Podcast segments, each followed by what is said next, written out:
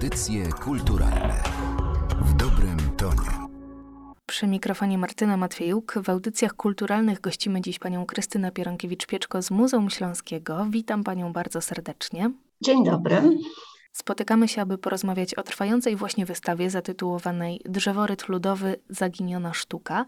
Drzeworyt jest jedną z najstarszych technik drukarskich, za pomocą której wykonywało się i wykonuje się nadal odbitki różnorodnego przeznaczenia, ale kiedy przyjrzymy się drzeworytowi ludowemu, to od razu zauważymy, że jest to przede wszystkim sztuka o charakterze sakralnym. Czy tylko ze względów religijnych wykonywano drzeworyty ludowe? Dawny drzeworyt ludowy to przede wszystkim drzeworyt e, sakralny.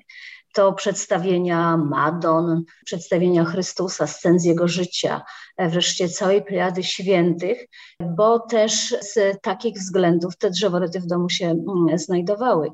Miały przeznaczenie religijne, ze względów religijnych, ważnych e, dla społeczności, ale też i apotropeicznych, czyli e, wszyscy święci, a była tam ich cała plejada od różnych potrzeb dla dobrego małżeństwa, od chorób wszelkich, święci, którzy strzegli domu, bydła, koni y, szczególnie, więc mieli za zadanie chronić, zabezpieczać, chronić dom, domowników, y, chronić dobytek, wreszcie chronić bydło.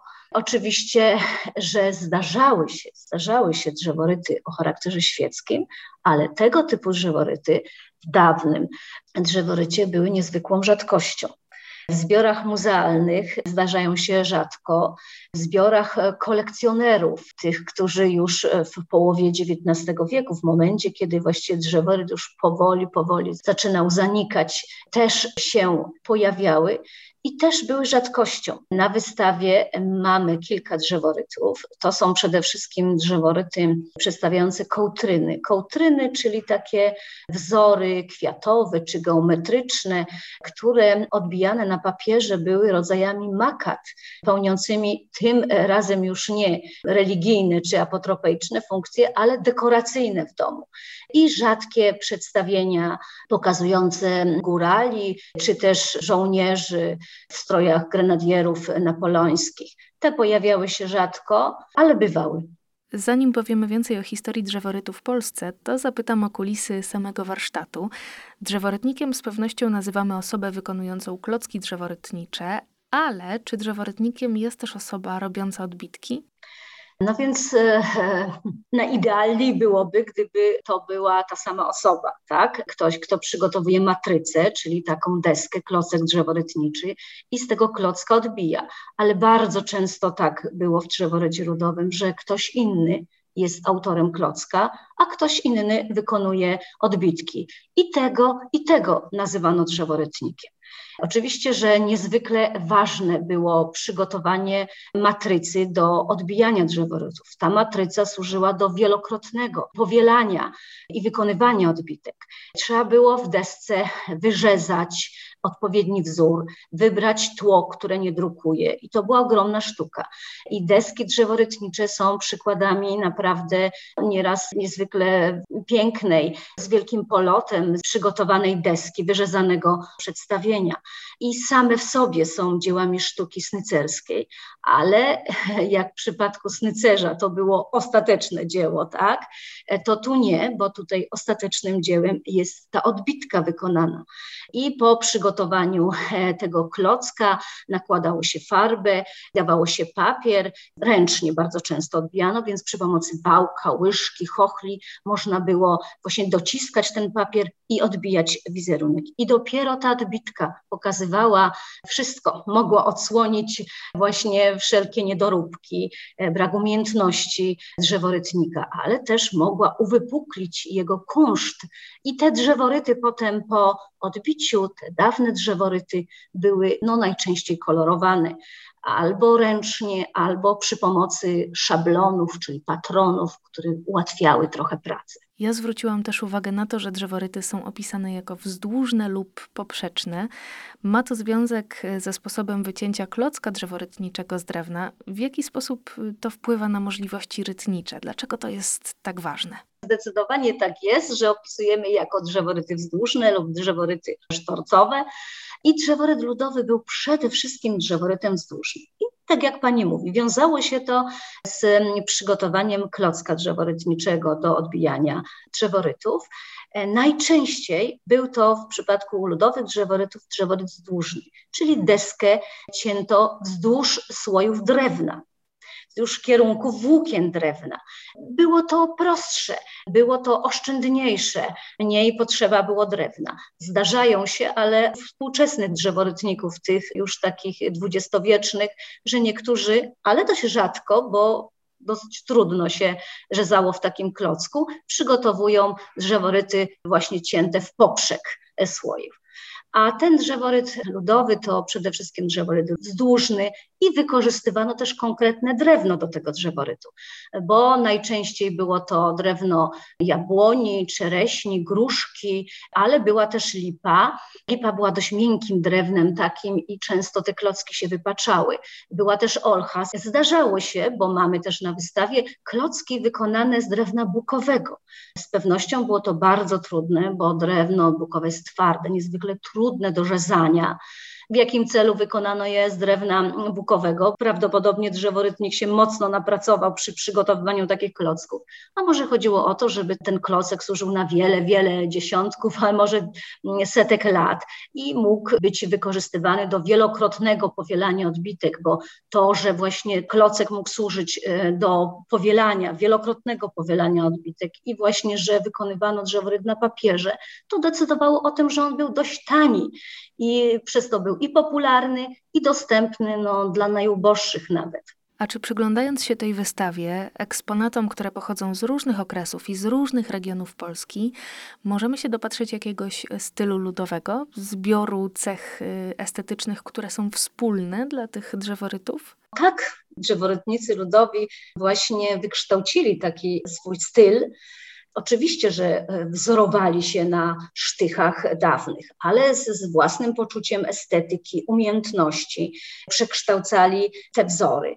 Przede wszystkim drzeworyt ludowy to taki no, prosty, uproszczony sposób przedstawienia, płaszczyznowość, czyli nie ma tej trójwymiarowości bardzo silny kontrast, taki mocny, który dzieli płaszczyzny, charakterystyczne kreskowanie, jak mamy okazję przyjrzeć się bliżej takim drzeworytom, to widzimy, jak te szrafowania, kreskowania są elementami zdobniczymi. Właśnie charakterystyczna taka symetria, charakterystyczna rytmiczność, ale też właśnie wielość elementów zdobniczych to tym zachwycili się kolekcjonerzy, to tym zachwycili się artyści i, inspirowali się i korzystali z, z, z drzeworytu ludowego.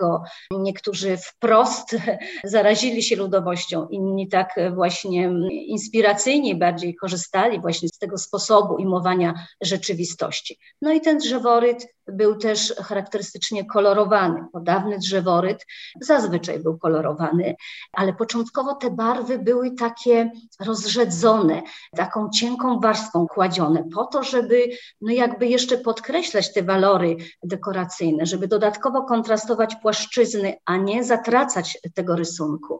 Dopiero jak pojawiło się malarstwo na szkle i taki okres konkurencyjności z tym takim bardzo kolorowym malarstwem na szkle, to ta kolorystyka była była już taka bardziej pstra i kładziona takimi kryjącymi już e, warstwami, ale początkowo to była bardzo skromna kolorystyczna gama, bo to były głównie brązy, czerwienie, żółcie, niebieskie kolory i zielony. To było tych pięć kolorów w tym drzeworycie ludowym. Mówi się o tym, że Władysław Skoczylas, uznawany za twórcę Polskiej Szkoły Drzeworytu, zachwycił się tą techniką, widząc drzeworyty płazowskie. I to jest chyba moment na pytanie o to, jak dużo wiemy dziś o ośrodkach drzeworytu ludowego tak naprawdę nie wiemy za dużo o ośrodkach drzeworytniczych.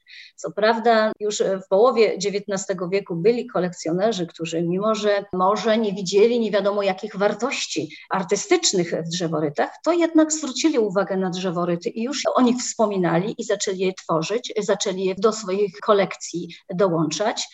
I właśnie w połowie tego XIX wieku był taki kolekcjoner krakowski, Ambroży Grabowski, i on po raz pierwszy wymienił nazwiska drzeworytników. Pisał o takim ośrodku w Bobrku i tam wymienił nazwiska dwóch drzeworytników. Nikt na to uwagi nie zwrócił, ale w momencie, jak odkryto drzeworyty płazowskie, to, to właściwie odkrycie tego drzeworytu płazowskiego, ośrodka płazowskiego, to spowodowało, że właśnie wrócono do tej informacji o tych drzeworytnikach w Bobrku.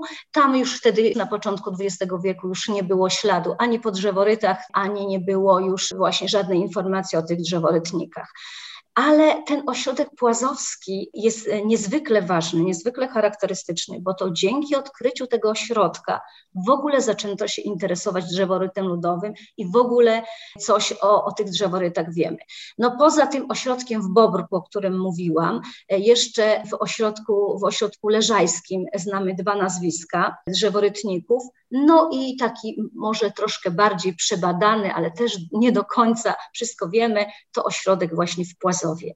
No pamiętajmy, drzeworytnicy byli ludźmi często niepiśmiennymi, e, bardzo rzadko sygnowali swoje prace, czasem kładli inicjały, ale to niekoniecznie musiały być inicjały imienia i nazwiska, to czasem e, wprost przekopiowywali jakieś inicjały, tak? Także poza drzeworytnikami z Leżajska i tymi z Bobrka koło Krakowa za bardzo nic nie wiemy. No i teraz Płazów. Też przypadek sprawił, że odkryto ośrodek w Płazowie. to było pierwszy raz, kiedy w ogóle zainteresowano się drzeworytami poza środowiskiem wiejskim, e, bo na wsi drzeworyty kupowano, drzeworyty były w domu, wiadomo, w różnych miejscach, w różne miejsca je kładziono, w różne miejsca je przymocowywano, pełniły te funkcje właśnie sakralne, apotropeiczne, były na ścianach, w świętym kącie, były na wiekach skrzyń, były wreszcie zatykane za obrazy, czy wkładane malutkie drzeworyty do książeczek, były w oborach, były bardzo często w kapliczkach, w kościołach, w cerkwiach,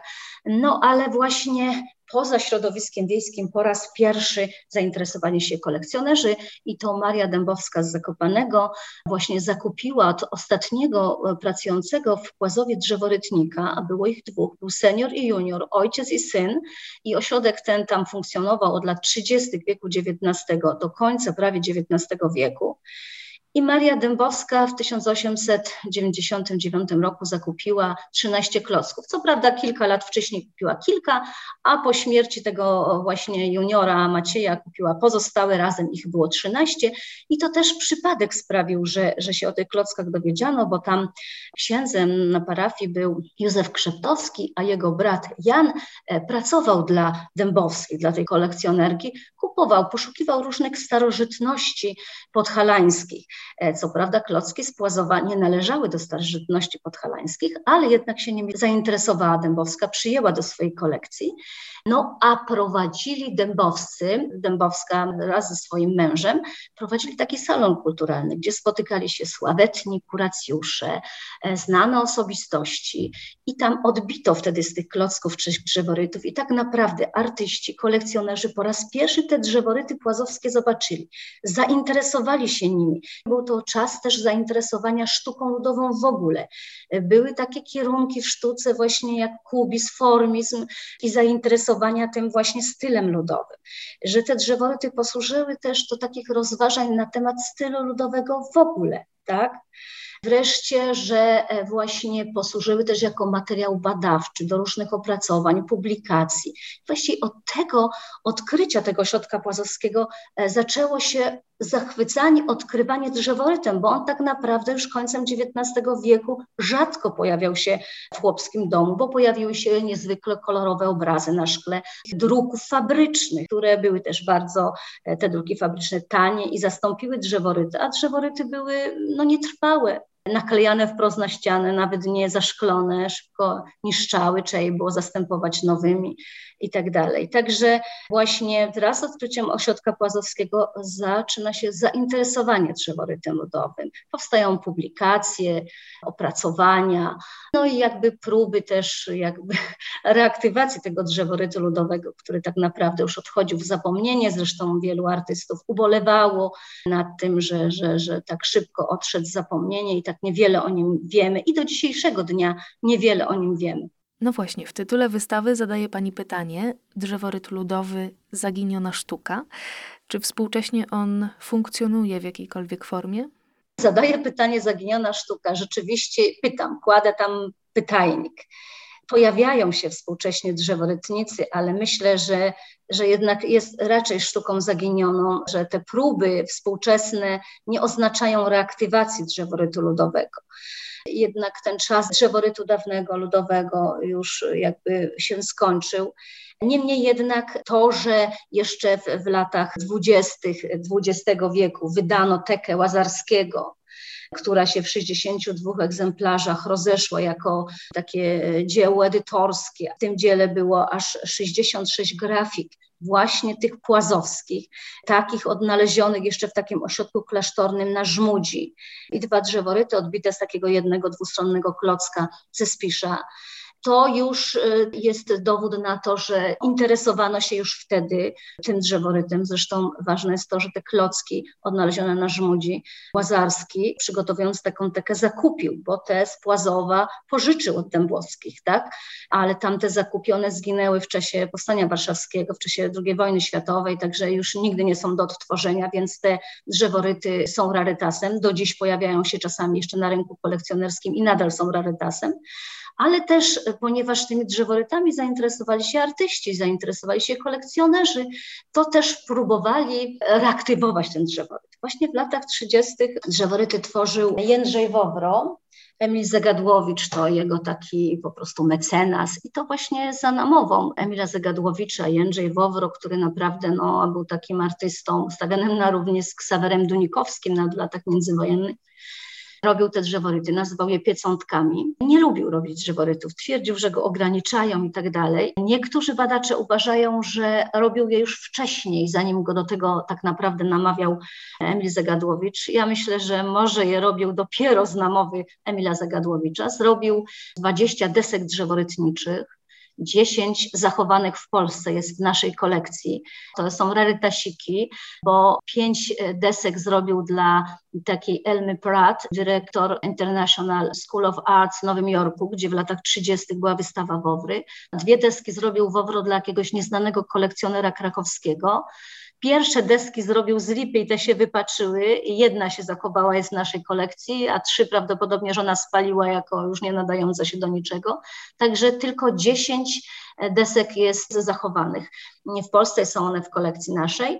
Drzeworyty takie niezwykle interesujące, proste, takie naiwne, ale przy tym pełne uroku, z charakterystycznymi dla tego artysty ulubionymi motywami ptaszków, zwierzątek. Bardzo ciekawe, też o tematyce sakralnej, bardzo interesujące drzeworyty kolejną próbę reaktywacji drzeworytu też z inspiracji kolekcjonera Kacpra Świeżowskiego, krakowskiego kolekcjonera. W latach 70. podjął Piotr Dymurski z Grobli. Piotr Dymurski e, jednak prawdopodobnie nie odbijał sam drzeworytów, wykonał tylko klocki. Są w muzeum w Grobli zachowane te drzeworyty i klocki drzeworytnicze stamtąd zresztą są pożyczone na wystawę do Muzeum Śląskiego. Kupił od niego Świeżowski te klocki, dla niego zrobił, prawdopodobnie to w Krakowie zostały odbijane. No i są też współcześni, całkiem współcześni, żyjący jeszcze drzeworytnicy. To jest Antoni Toborowicz z Poli Libertowskiej. Artysta pewnie wielu znanym, bo wykonuje rzeźby, krzyże, kapliczki, ma Muzeum Krzyży i Kapliczek. On takim w typie ludowym rzeźbi, ale jest artystą tak wszechstronnym, tak lubiącym eksperymentować w różnych nowych technikach, że też sięgnął na przełomie lat 70., 80. po drzeworyty i wykonał całe bardzo takie spójne serie drzeworytów, niezwykle interesujące bo były drzeworyty sakralne, tam było mnóstwo szopek, różnych przedstawień świętych. Potem całą serię drzeworytów przedstawiających diabły polskie. Wreszcie w latach stanu wojennego całą serię drzeworytów takich satyr politycznych, właśnie krytykujących system w tych czasach i stosunki władza-lud też tak odważnie, bo miał wtedy wystawę w Kościele na Żytniej w Warszawie, sprzedawał te drzeworyty jako cegiełki na działalność związkową. W latach 90. znowu zrobił deski i mamy teraz, że w zbiorach, bo wystawa też stała się okazją do uzupełnienia zbiorów drzeworytów naszej kolekcji. Znowu kupiliśmy od niego klocki, kupiliśmy drzeworyty i znowu wykonał nowe tematy, znowu wraca do drzeworytnictwa, eksperymentuje z drzeworytem, lubi też wykonywać drzeworyty, ale jest to już też dość trudna dla takich starszych osób sztuka, bo mm, kwestia papieru, kwestia farby odpowiedniej. No i ostatnim drzeworytnikiem, który dość późno zajął się drzeworytem, jest Włodzimierz Ostojalniński z Czerska, z Borów Tucholskich. I on zainspirował się sztuką ludową kaszubską, rzeźbi przede wszystkim, maluje na szkle, ale też sięgnął po tę technikę drzeworytniczą. Na Kaszubach i w Polsce centralnej tradycyjnie było tak, że drzeworyty podklejano pod obrazki na szkle. Jakby centrum tego obrazka, postać była drzeworytem, ją obkolorowywano, obmalowywano, resztę jak obrazek na szkle i on wykonuje i takie obrazki, gdzie drzeworyt pełni taką rolę służebną w tym obrazku na szkle ale myślę, że drzeworyt mu się również spodobał, bo mnóstwo odbitek różnych wykonuje, niektóre koloruje, inne pozostawia w czerni i bieli. No i to są przede wszystkim tematy sakralne a zatem drzeworyt ludowy jeszcze nie zaginął. Eksponaty, zarówno klocki drzeworytnicze, jak i odbitki, można obejrzeć na wystawie w Muzeum Śląskim. Ekspozycja jest dostępna do 15 sierpnia, a dziś w audycjach kulturalnych gościliśmy kuratorkę wystawy panią Krystynę Pieronkiewicz-Pieczko. Bardzo dziękuję za to spotkanie. Dziękuję Państwu bardzo. Audycje kulturalne.